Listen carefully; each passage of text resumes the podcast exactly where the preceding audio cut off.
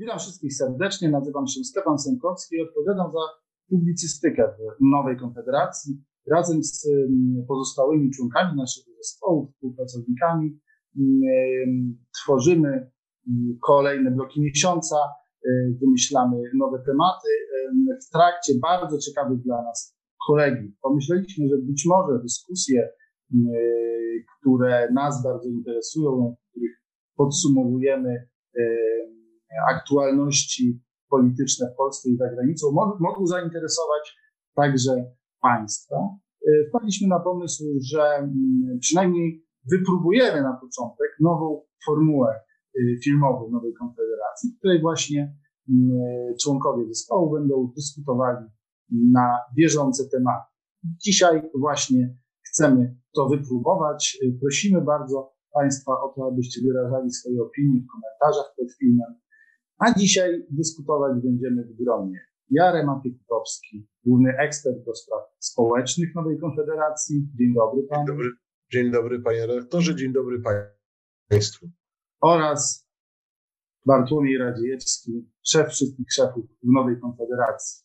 Dzień dobry. Dzień dobry. Dzień dobry, cześć. Bartku, w tym e, miesiącu, e, który się e, właśnie kończy, nagrywamy 31 marca, no niestety pobiliśmy kolejny niechlubny rekord, jeżeli chodzi o zachorowania dzienne na, na covid e, No i oczywiście to się wiąże także z, mm, z bardzo wieloma, wieloma problemami. W zasadzie trudno powiedzieć, czy nasza opieka zdrowotna jeszcze radzi sobie z pandemią. Chciałbym Ciebie tutaj właśnie spytać o to, mm, jak oceniasz e, naszą długotrwałą walkę z pandemią, szczególnie w tym miesiącu. Sytuacja jest fatalna. Była fatalna już wcześniej, tylko nie do końca to docierało do szerokiego audytorium.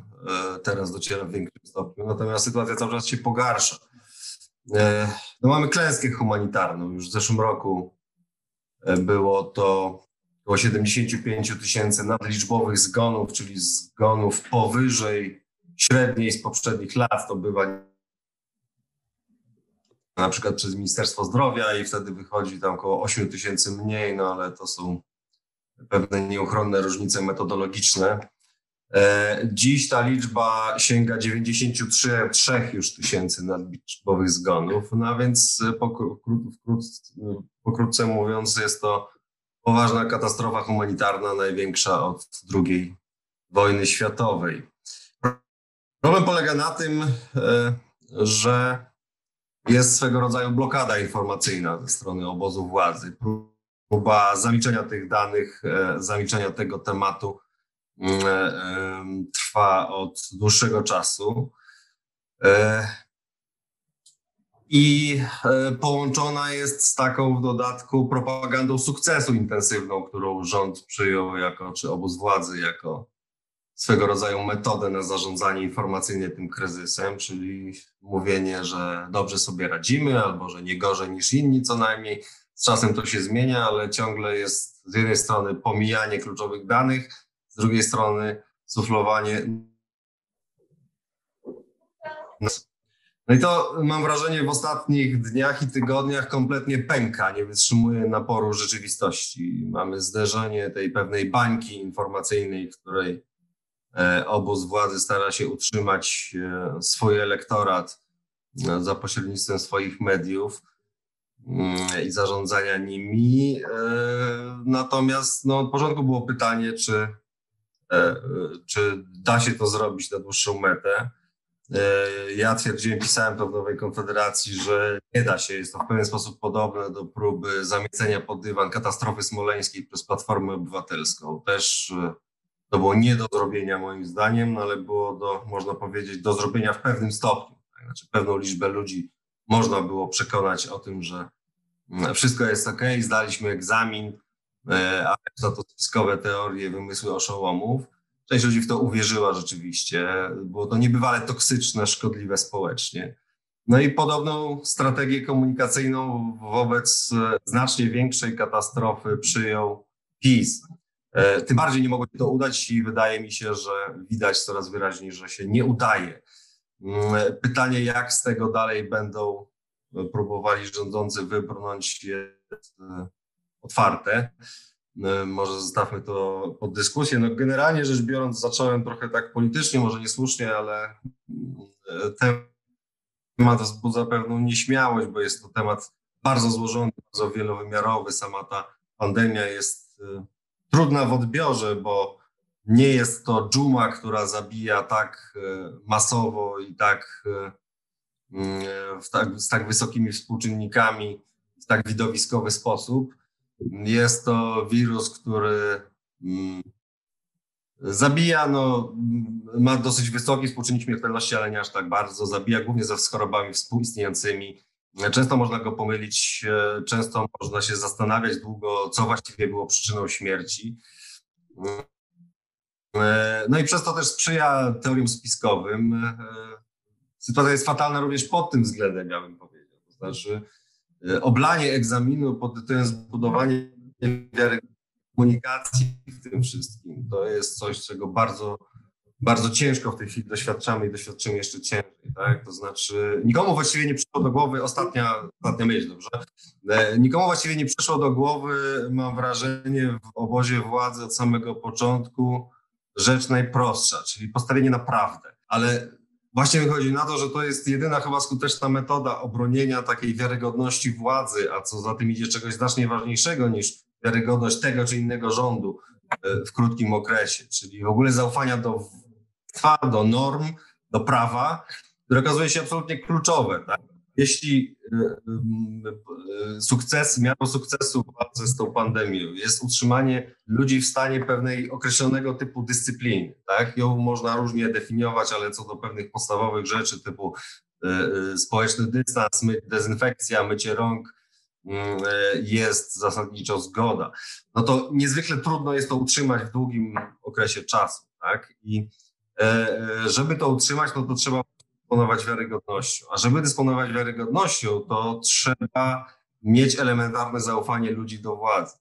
No i to, że tak intensywnie postawiono na propagandę sukcesów w Polsce od samego początku, mimo, wydaje mi się, pełnej świadomości co do tego, jak słabe mamy państwo, jak niewydolny sanepid, jak e, marne zaplecze analityczne i można by długo wymieniać, e, e, no doprowadziło do rujnujących efektów. I teraz obserwujemy pękanie tej bańki. Tak? To znaczy, e, już kończę. Tak.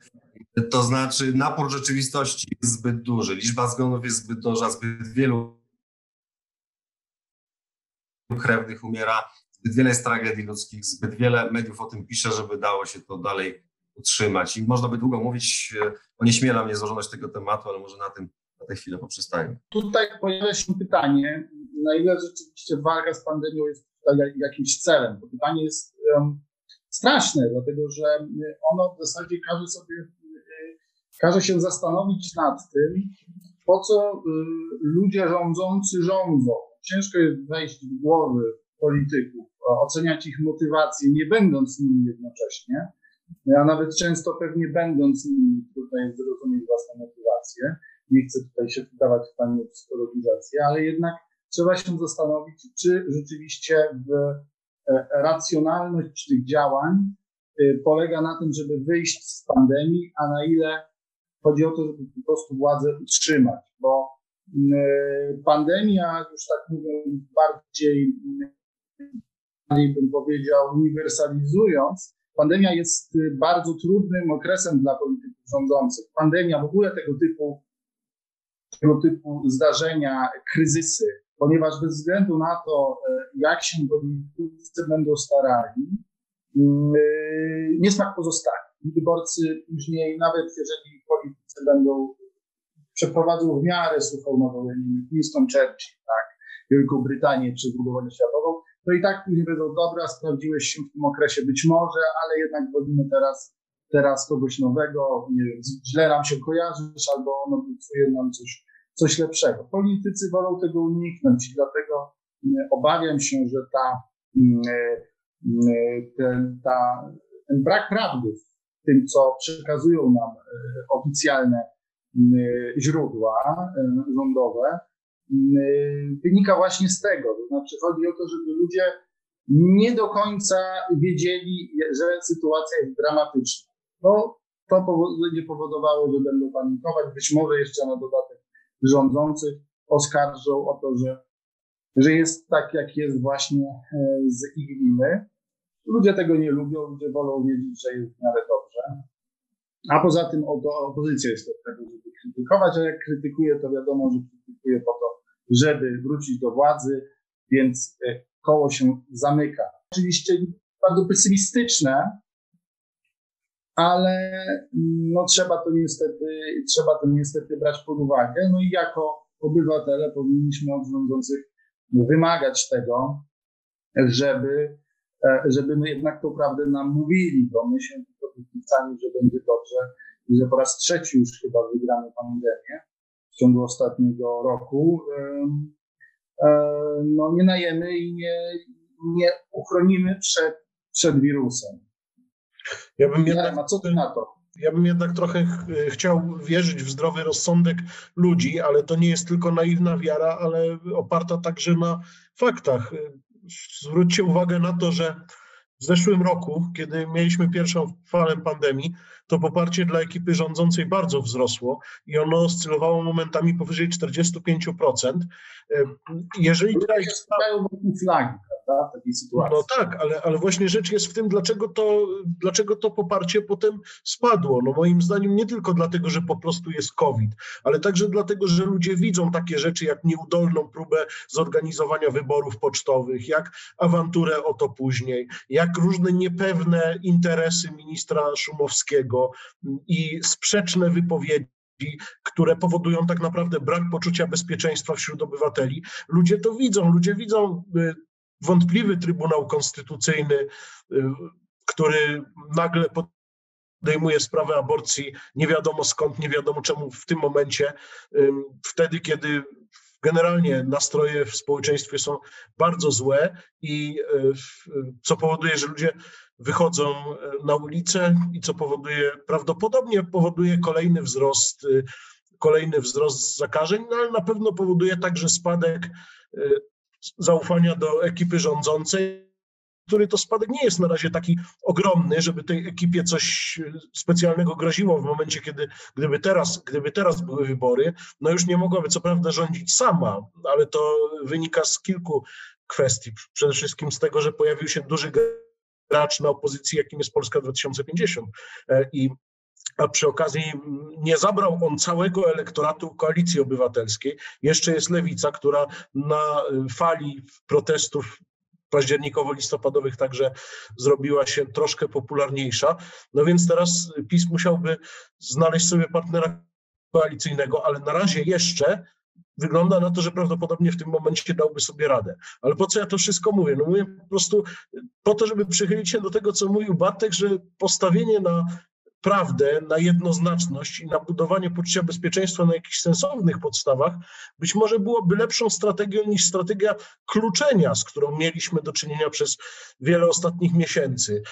Tak, kiedy powiedziałem teraz o tych y, protestach październikowo-listopadowych i późniejszych y, związanych z kwestią aborcji, to pomyślałem sobie, że my tak naprawdę nie wiemy, a propos jeszcze słabości aparatu analitycznego, my tak naprawdę dzisiaj w ogóle nie wiemy, jaki był realny wpływ tych protestów na kolejną falę koronawirusa. My nie wiemy, jaki był wpływ otwarcia we wrześniu szkół na kolejną falę koronawirusa. Nie wiem, czy takie badanie się robi. Moim zdaniem powinno się robić.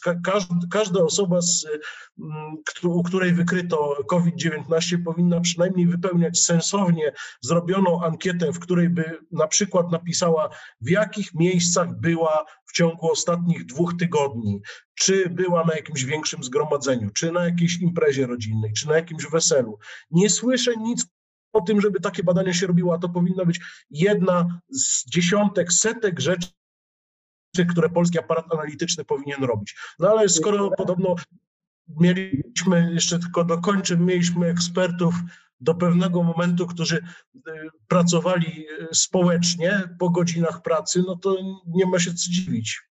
Jarema, tutaj nasza dyskusja w dużej mierze krąży wokół prawdy i zmieniając temat, wydaje się, że zakon e, kaznodziejski, czyli Dominikanie postawili ostatnio na prawdę, ponieważ zaczęli mówić na temat tego, jakich, jakich to bezeceństw dokonywał ich współbrat Paweł M., będąc duszpasterzem we Wrocławiu.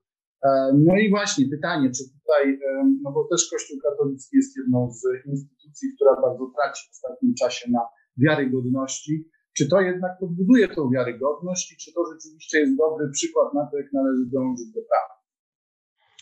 Wczoraj powołano komisję w tej sprawie, ale o tym może powiem później, bo jednak ogólnie, kiedy patrzę na większy obraz i na taką dynamicz, dynamiczny układ w czasie ostatnich kilku lat, a zwłaszcza lat pandemii, no to mamy do czynienia z kolejnymi pęknięciami na skorupie Kościoła katolickiego i to po prostu e, osuwa się w pewien blamasz wręcz, można by było powiedzieć. No bo tak, Dominikanie zaczęli mówić o tym, że ich współbrat urządził sobie w klasztorze w latach 96-2000 sektę, gdzie podobno gwałcił e, kobiety, studentki, gdzie podobno dochodziło do jakiejś sytuacji, że dziewczyna była, e, rozbierała się i całe duszpasterstwo akademickie jest oczywiście z duszpasterzem Pawłem M na czele, biło ją e, pasem do krwi. E, i wszyscy, nikt tam nie widział, że jest cokolwiek nie w porządku. No ale pytanie, dlaczego to się pojawia w roku 2021, skoro ten e, Dominikanin w roku 2000, w roku 2000 został już odsunięty z tego duszpasterstwa.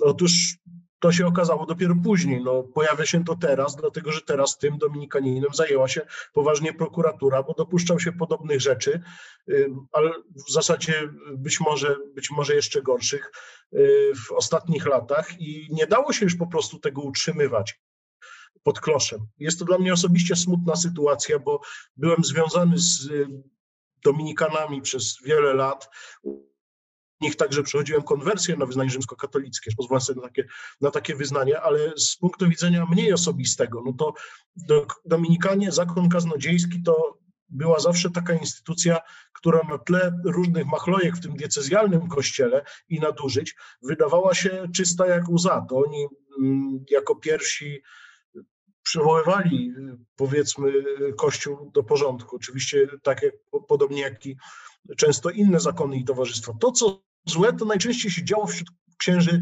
diecezjalnych. No i tutaj mamy do czynienia z sytuacją, która pokazuje, że tak naprawdę nie ma znaczenia, po której stronie jest się tych różnych kościelnych sporów. Na nadużycia tego typu występują po różnych stronach i mm, niestety jedni i drudzy próbują je ukrywać w bardzo podobny sposób. Fakt jest faktem, że Dominikanie jako pierwsi powołali komisję, w której zasiadają świeccy, która ma wyjaśnić tę sprawę. Y, prawo już się tym zajmuje, bo przed chwilą przeczytałem, że ojciec Paweł M. trafił właśnie do aresztu za swoje ostatnie postępki, więc jeszcze do tego doszła, y, doszła komisja, no to sam, samo to posunięcie należałoby mm, pozytywnie oceniać. Są pewne wątpliwości co do, co do składu tej komisji, co do e, sposobu jej powoływania, bo ona nie została powołana przez kogoś zewnętrznego, a przez prowincjała Dominikanów, no ale to jest do dyskusji. To też mnie interesuje, co macie na ten temat do powiedzenia. Natomiast jest to o tyle smutna sprawa, że Kościół, chociaż jest ostatnio przede wszystkim obiektem e, krytyki w większości zasłużonej, choć czasem y, bardzo agresywnej, ale w większości zasłużonej, no to jednak mimo wszystko miał w historii Polski ostatnich, ostatnich 100 lat y, także ogromnie y, duże zasługi i w pewnym sensie w naprawdę trudnych sytuacjach stanowił dla ludzi schronienie. I moim zdaniem w czasie, tylko chciałem powiedzieć, że w czasie pandemii zawiódł, bo nie, okazał się miejscem schronienia, a biskupi, jak się ich słuchało, miałem wrażenie, że bardziej dbają o swoje status quo i o to, żeby tych wiernych, te niesforne owieczki, które coraz bardziej krytykują, przywoływać do porządku.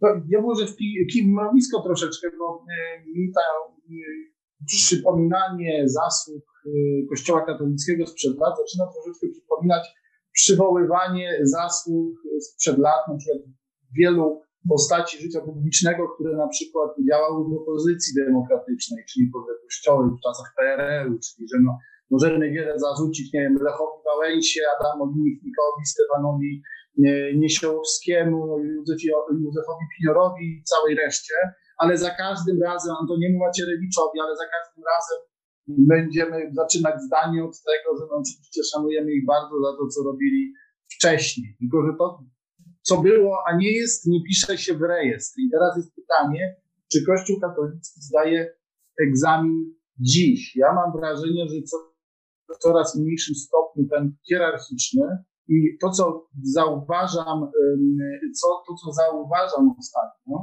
e, szczególnie, to jest to, że katolicy świeccy zaczynają się bardzo na to burzyć. To znaczy, wcześniej jednak była pewna, także była pewna doza dystansu wobec takiego bezkompromisowego e, krytykowania e, księży, biskupów, jednak katolicy świeccy, nawet jeżeli byli wobec nich krytyczni, to w ostatnich latach starali się raczej ubierać to w ładne słówka. Teraz no, mm, no, chociażby szefem tej komisji, o której mówiłeś, został Tomasz Terlikowski, który w słowach akurat nie przebiera, jest to bezkompromisowy, jeżeli chodzi o, o, mm, o pisanie na temat patologii w kościele.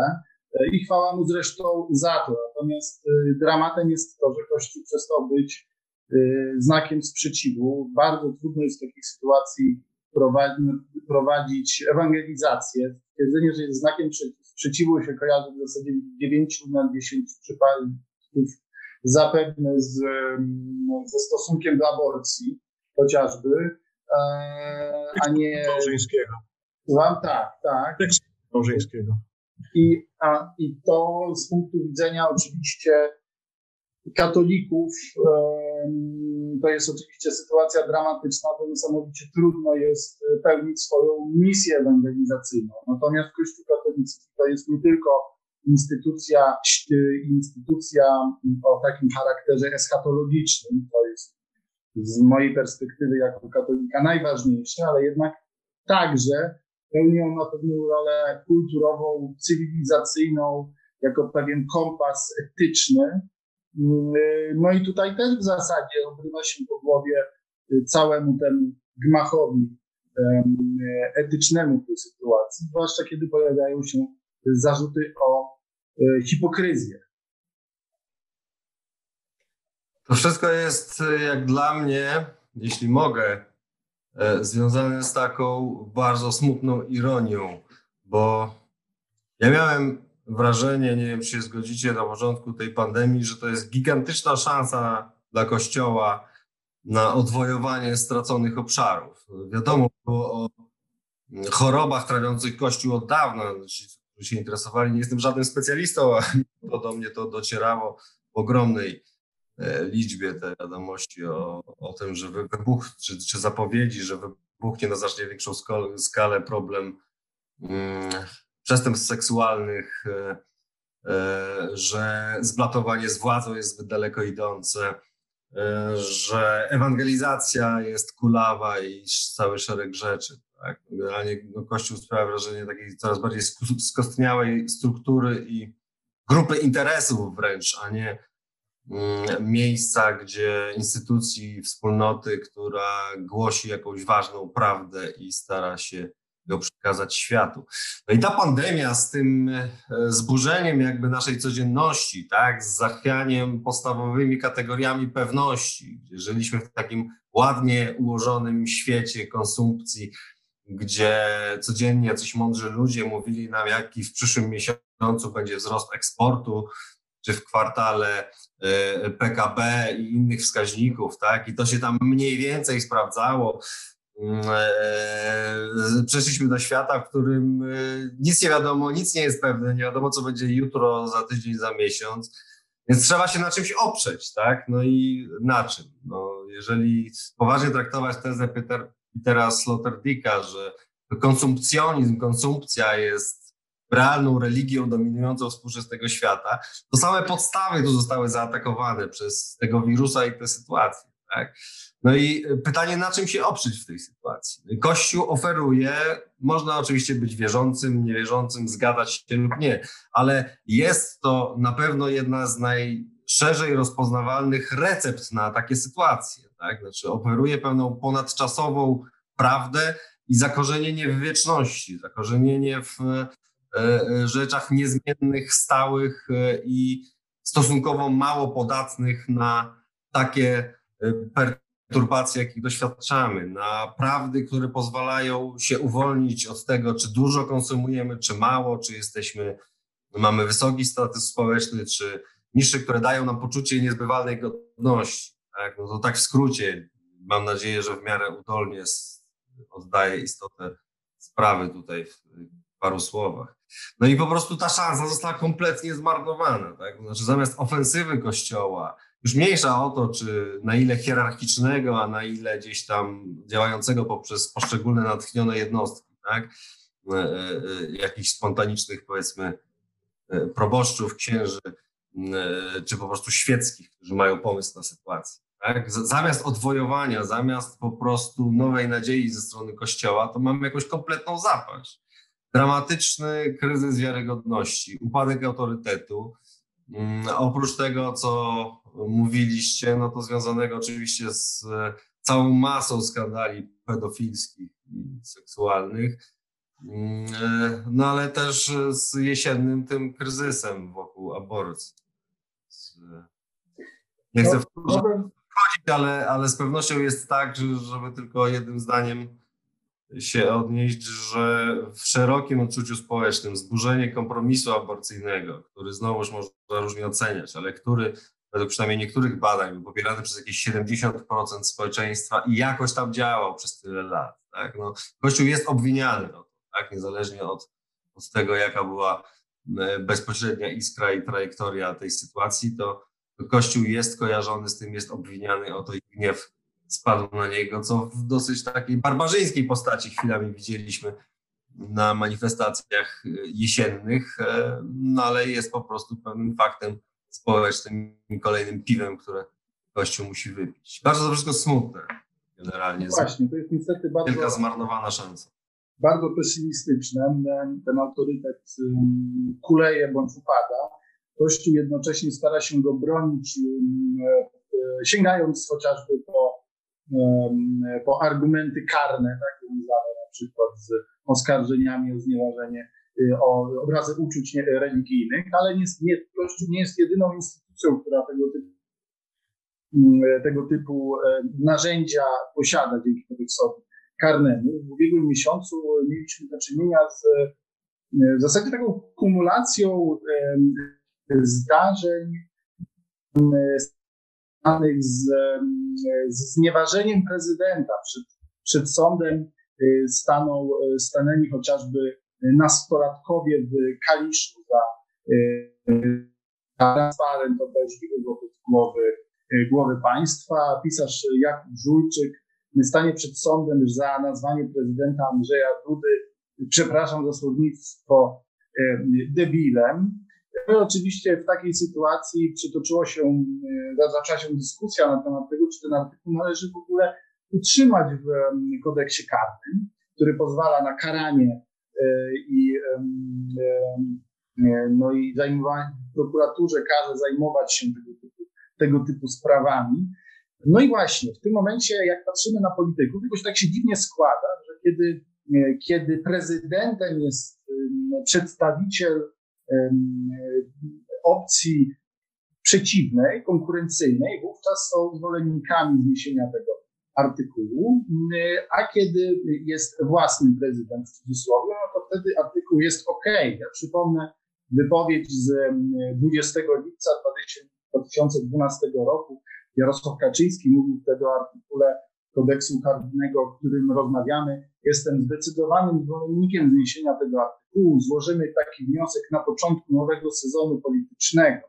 No jak wiemy, sezon, nowy sezon polityczny rozpoczął się prawie 6 lat temu. Jak tego, jak tej, jak tego wniosku nie było, tak nie ma. Jednocześnie w tym samym 2012 roku, kiedy ruch Palikota chciał nawet nie tyle znieść ten artykuł, co zmniejszyć kary. Zarówno Platforma, jak i PiS były, były przeciw. Czyli tak na dobrą sprawę jest to, jest to taka wygodna broń przeciwko przeciwnikom politycznym, którzy w niewybrednych słowach określają głowę państwa. No a autorytet i um, autorytet prezydenta w zasadzie jak leżał, tak leży, można, można w zasadzie stwierdzić. Nie mam w tej chwili przed oczami wyników badań, natomiast wydaje mi się, że jednak to, że, to, że nagle w momencie tego typu pojawienia się tego typu sprawy przez media społecznościowe prze, przytacza się przytaczają się zdjęcia na przykład zagranicznych mediów, które, które tłumaczą słowo debil na różne języki. Było dla mnie bardzo kształcące, w telewizji słowo debil po węgiersku, angielsku, czesku, no ale to raczej nie służy głowie państwa. Takie pojawia się pewnie pytanie, czy jest w ogóle szansa na to, żeby z procesu karnego zniknęły takie, moim zdaniem, zbyt restrykcyjne artykuły, jak właśnie ten dotyczący znieważenia prezydenta, dotyczący obrazy uczuć religijnych, czy zniesławienia. To są często rzeczy, które tak naprawdę można sprawami cywilnymi rozwiązywać, niepotrzebne jest do tego prokuratora. Sprawa jest wielowątkowa. No trochę tutaj nie zgodzę się z Tobą, Stefanie, w połączeniu tego wszystkiego do jednym worku, bo jednak czymś innym jest e, e, zniesławienie, czymś jeszcze innym jest e, napaść lub znieważenie prezydenta RP i jeszcze czymś innym obraza uczuć religijnych.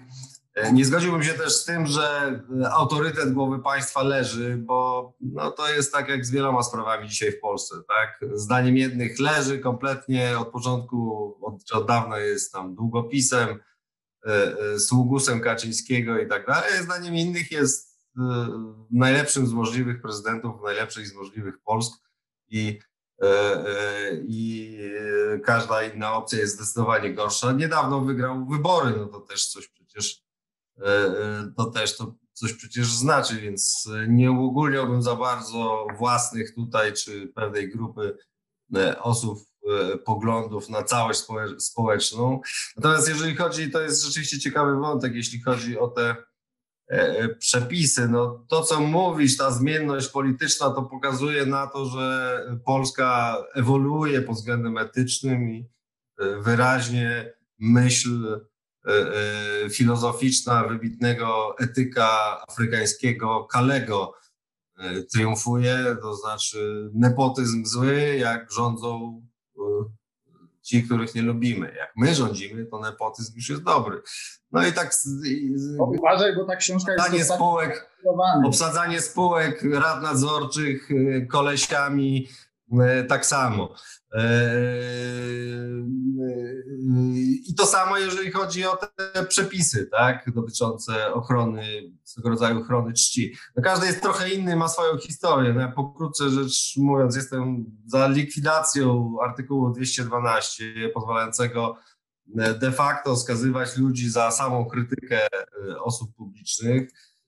Co do artykułu 135, o którym tu głównie mówiłeś, czyli czynna napaść lub znieważenie prezydenta RP, no to on ma dwa elementy, czyli paragraf pierwszy, który mówi o czynnej napaści na prezydenta, a ten powinien być absolutnie utrzymany, wydaje mi się. Zgadzam się. Natomiast paragraf drugi, który mówi o publicznej zniewadze, no jest problematyczny z punktu widzenia wolności słowa. Tak?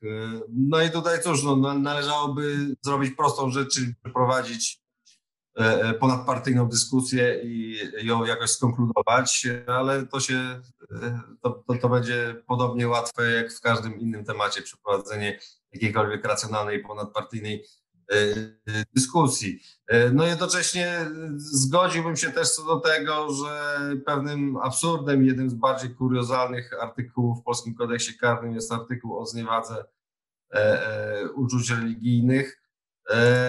Długo by mówić o tym, no ale warto sięgnąć po może po e, anegdotę z Rzeczpospolitej Obojga Narodów Pawła Jasinicy, kiedy przytacza on to, jak to jeden z Arian kiedyś wyrwał księdzu monstrancję podczas mszy i ją poteptał. Mm, nikt się tym specjalnie nie przejął. Prymas Uchański, chyba zawiadomiony o sprawie, powiedział wtedy, że, e, e, że Pan Bóg, jak będzie chciał, sam wymierzy sprawiedliwość. E, to jest jego sprawa, a nie tutaj nas na ziemi za takie rzeczy.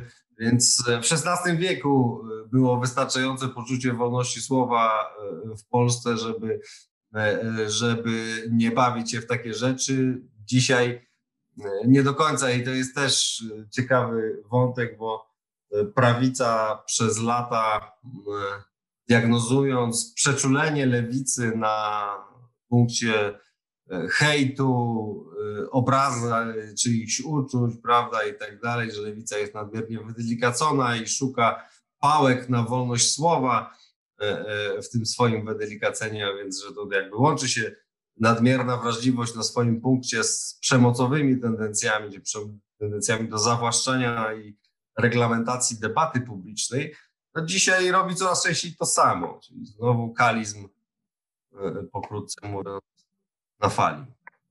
Wszystkie te artykuły tak naprawdę są ważnym narzędziem dla polityków i zwróćmy uwagę, że bardzo często, przynajmniej raz, a czasem kilka razy w kadencji danego rządu, e, one były w jakiś sposób wykorzystywane po to, żeby zademonstrować siłę y, partii rządzącej przeciwnikom. No bo tutaj w tym momencie mamy do czynienia z oskarżeniem wobec Jakuba Żulczyka, a ileś tam lat temu była akcja przeciwko y, autorowi strony Antykomor. Te obie akcje, wydaje, że politycy w ogóle trochę przeceniają, prze, przeceniają znaczenie tego, że ktoś ich w internecie krytykuje, bo po prostu ludzie nie będą używali słowa debil, a będą prezydenta krytykować i tak w innym tego słowa znaczeniu. Tego typu działania są bardzo dobrą techniką do stworzenia sobie wśród przeciwników męczenników, e, a to... Ale, tak. Słowo, bo być, być może sprawa wymaga pewnego uzupełnienia, to znaczy ten artykuł, sprawy z tego artykułu nie wszczyna się z powództwa prywatnego. Pan prezydent wcale nie musi brać w tym udział. On nawet może nie chcieć, żeby, go, żeby kogokolwiek skazywać ze względu na ten artykuł. On działa po prostu mm, wtedy, kiedy, kiedy prokuratura dostanie zawiadomienie i, i jedziemy z tym koksem. No oczywiście prokuratura w tej chwili jest w rękach aktualnej władzy. Minister Sprawiedliwości jest prokuratorem generalnym, ale być może potrzebne jest tam takie uzupełnienie. A może nie, a może to nie ma znaczenia. No to oczywiście ma znaczenie, jeżeli chodzi o swobodę wykorzystywania tego typu narzędzi, ale tak naprawdę jak władza będzie chciała tak czy inaczej, e, nawet w poprzednim stanie prawnym jest w stanie swoje narzędzia w jakiś sposób wykorzystywać, żeby demonstracyjnie pokazać swoim przeciwnikom, że tak powiem, prewencyjnie dać im zęby, prawda? I do tego e, te e, artykuły służą. Ja sobie z drugiej strony jestem w stanie wyobrazić e, lęk polityków. No, jeden z drugim wyobrażam sobie, że rozmawia, no a może, a może damy sobie spokój już z tym paragrafem, bo on przecież jest krytykowany i nie, no jest, nie, jest, nie jest do, do, niczego potrzebny, a drugi mówi, no ty, no ale, ale jak my zniesiemy ten paragraf, to następnego dnia cały internet po prostu zakwitnie milionami napisów, że prezydent to i tak dalej, prawda? Więc, więc taka obawa może być, ale wydaje mi się, że kto chce y, krytykować prezydenta, to i tak to zrobi w jakiś sposób, natomiast y, raczej, raczej te, ten, te artykuły służą jako pewien hak. No w tle tego wszystkiego są znacznie poważniejsze, moim zdaniem, problemy z wolnością słowa, które mamy. W tym w ogóle jest paradoks taki, że ściganie tych wszystkich osób, tak jak mówiliście, tworzy męczenników z jednej strony, ale po prostu nagłaśnia sprawy powielokroć, tak? Czyli dążąc do dążąc do karania za znieważenie, de facto rozpowszechnia to znieważenie. No w po prostu te, te przepisy jakby zupełnie nie biorą pod uwagę, czy, czy ta praktyka nie bierze pod uwagę architektury informacyjnej współczesnego świata. Jest kontrskuteczna z punktu widzenia własnych założeń. Natomiast w tle mamy znacznie poważniejsze problemy związane z wolnością słowa, prawda? Czyli mamy Mm, no to długo by mówić na osobną dyskusję może, ale e, e, zwrócę uwagę tylko na jedną rzecz, tak, czyli e, dyskutujemy o tym, czy jak mo można się wyrażać o prezydencie, z prawem do elementarnej informacji, tak, o stanie państwa, o najważniejszych sprawach procedowanych w Sejmie i w rządzie. Tak? E, e, e, czy wolność słowa jest tylko wolnością do tego, żeby każdy dokonał swobodnej ekspresji swojej świadomości, niezależnie na jakim poziomie jest ta świadomość, i żeby to było przedmiotem debaty publicznej, czy może po to też, żeby w jakimś segmencie zostać poinformowanym o najważniejszych rzeczach, które się dzieją w państwie, takich jak skala mm, katastrofy humanitarnej, ale też takich jak, e, żeby poprzestać na ostatnich tygodniach, ale też takich jak e, e, na przykład zupełnie kluczowa i zupełnie niedyskutowana reforma ustrojowa, którą ostatnio, która ostatnio została podjęta, mianowicie ustanowienie nowego centrum rządu.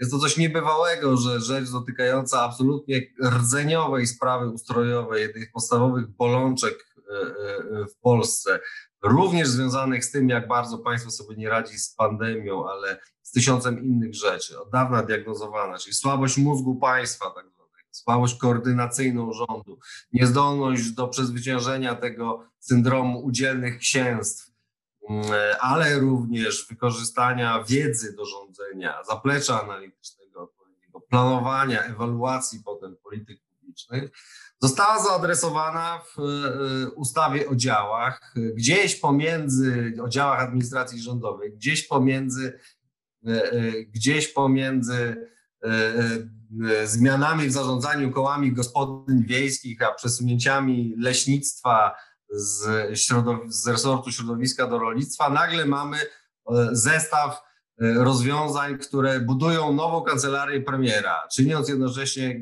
szefa tej kancelarii czymś w rodzaju nadpremiera, można powiedzieć, co jest swoistym kuriozum, ale jest to fundamentalne. Robić osobną debatę spokojnie, a która nie jest przedmiotem jako żywo niemal żadnego, niemal żadnego zainteresowania. Może za długo o tym, aczkolwiek wydaje mi się, że warto, warto warto, żeby ci, którzy się o tym dowiedzieli, że w ogóle coś takiego jest. Natomiast y, chciałem zwrócić uwagę na pewien związek między wolnością słowa a dobrem tak. wspólnym, tak? Czyli po co właściwie nam ta e, e, wolność słowa jest i na ile my rzeczywiście czujemy, że ta wolność słowa w obecnym dzisiejszym kształcie służy nam jako obywatelom do tego, żebyśmy wiedzieli, co się rzeczywiście wiedzieli, co się wokół nas dzieje, a nie tylko mieli poczucie zabawienia w pewnym parku rozrywki, na ile ta rozrywka jest toksyczna, na ile przyjemna, to już zostawiam w tej chwili na. No, to, to, może krótko się jeszcze tym, y, tym tematem y, zajmijmy, bo on jest rzeczywiście to jest dość istotny także w kontekście tego, czym my się w Nowej Konfederacji zajmujemy i to, y, to od lat. Tutaj w ogóle mamy do czynienia z z takim szeregiem różnych problemów związanych z, mm, e, z tym, jak się na przykład tworzy prawo w Polsce. Nie jest dobra praktyka e, legislacyjna, żeby wrzucać fragment, fragment bardzo znaczący, kluczowy do, do ustawy, która dotyczy czegoś może nie tyle zupełnie innego, co, co, co, co, co prawie zupełnie innego. To zresztą nie jest nie jest pierwszyzna. Coś podobnego zrobiono e, kiedyś z, z regulacją dotyczącą możliwości zestrzelenia samolotów w przypadku e, wystąpienia ataku terrorystycznego. Wtedy Trybunał Konstytucyjny Już nie będę wchodził w szczegóły tego, tej sytuacji, ale wtedy, wtedy Trybunał Konstytucyjny to uchylił, Sejm musiał, musiał troszeczkę doprecyzować, zmienić. Natomiast no niestety w Polsce tak się, tak się prawo tworzy, często podejrzewam intencjonalnie, to znaczy obawiam się, że w tym przypadku możemy mieć do czynienia z tym myśleniem takim, takim e, bardzo specyficznym dla aktualnego obozu władzy. To znaczy instytucje wcale nie są ważne, tak twierdzą, tak twierdzi powiedzmy oficjalna doktryna Prawa i Sprawiedliwości. Ważne są kadry, ważni są ludzie, którzy rządzą, w związku z tym taki, a nie inny układ władzy, układ rządzenia w administracji funkcjonowania urzędów i tak dalej nie ma zasadniczego znaczenia. Oczywiście wprowadza się tam pewne zmiany, żeby, żeby coś, żeby coś usprawnić, ale, ale i tak wiadomo, kto decyduje. Prawda? Znaczy to, że, to, że w myśl tej ustawy będzie e, akurat w tej chwili decydował Michał Dworczyk, de facto stanie się nad premierem, e, przed nim odpowiadał będzie premier Morawiecki, który właściwie nie odpowiadał, co, co, co, co wykonywał jakieś jego dyrektywy, nie ma zasadniczego znaczenia w kontekście tego, że i tak obaj odpowiadają przed Jarosławem Kaczyńskim. Być może, być może takie myślenie w Prawie i Sprawiedliwości króluje także w tym, w tym kontekście. On oczywiście jest bardzo szkodliwe, dlatego że tego typu zmiany wprowadza się na kadencję, na na dekady w zasadzie. No oczywiście trzeba je zmienić, jeżeli się okaże, że dane rozwiązanie mm, nie działa, y, no ale, no ale jednak nie można wprowadzać tego typu zmiany na, na zasadzie, mm, że to sobie to działa teraz na, na rok, na dwa, trzy może, a, a, a co będzie dalej, to niech się martwi co przyjdą po nas. No ja bym chciał powiedzieć coś pozytywnego, bo to pomysł jest w ogóle bardzo dobry, bo tak naprawdę y, od właściwie pewnie od no, od 89 roku to byłaby przesada, bo wtedy to nas interesowało, żeby wejść do Unii i wejść do NATO, ale od pewnego czasu jest, jest podejmowana w różnych kręgach jakaś taka myśl państwowa, żeby odejść od największego, jednego z największych problemów, jaki mamy w rządzie, jak, jakim jest silosowość, czyli taka odrębność działań różnych, różnych ministerstw, brak koordynacji. I ten pomysł zmiany w ustawie o działach wychodzi naprzeciw przeciwko temu, bo y, przyznaję szefowi kancelarii prezesa Rady Ministrów, oczywiście pytanie, czy to jest konstytucyjne, ja nie wiem, ale przyznaję na przykład pewne zdolności do koordynacji koordynowania polityki y, poszczególnych resortów ze sobą, czy do koordynowania polityki kadrowej w administracji rządowej. Gdyby to był faktycznie pomysł, który y, ma reformować państwo i ma jakieś inne cele pozapolitycznymi, to byłoby bardzo dobrze. Ja bym chciał przy okazji powiedzieć, że y, widzę na naprawdę w administracji rządowej w samej kancelarii premiera ludzi, którzy naprawdę ciężko pracują nad pozytywnymi, fajnymi rozwiązaniami. Na przykład stworzony został niedawno taki system e, zarządzania projektami w, w, rządzie, nad którym cały zespół bardzo się mocno napracował. E, I to, jest, to są tak naprawdę zaczątki tworzenia w pozytywnym tego słowa znaczeniu deep state Polsce. Znaczy, to nie znaczy, że za poprzednich rządów podobne rzeczy nie były robione. Natomiast właśnie tutaj dochodzimy do clue y, tematu, że te, są jakieś zespoły, które naprawdę starają się usprawniać y, zarządzanie w, w, polskim rządzie. Tylko, że ostateczne, ostatecznie najważniejsza tu jest wola polityczna decydentów i zbudowanie y, odpowiednich kadr, które będą się zajmować tym, a nie odpowiadaniem na przekazy dnia. I w świetle tego, że obserwując ten rząd, od kiedy obserwując tę ekipę rządzącą od 2015 roku, mam wrażenie, że raczej to drugie jest ważne, czyli szybkie reagowanie na przekazy dnia, to ja jestem mocno sceptyczny, że ta zmiana, którą w tym, która w tym momencie jest proponowana, że ona faktycznie posłuży do, do czegoś poza celami politycznymi, czyli poza wzmocnieniem konkretnych osób i a, a pewnie mnóstwo tych przepisów pozostanie na papierze, obym się mylił. Dziękuję Wam i sobie również za, myślę, ciekawą dyskusję. Mam nadzieję, że przede wszystkim interesującą dla naszych widzów. Y, tak jak mówiłem na początku, jest to mm, póki co taki eksperymentalny format. Prosimy was, was więc o feedback. Y, Piszcie, y, co uważacie na temat tego, y, tego naszego nowego pomysłu. No i mam nadzieję, że, y, że zobaczymy się y, niebawem w kolejnym wydaniu.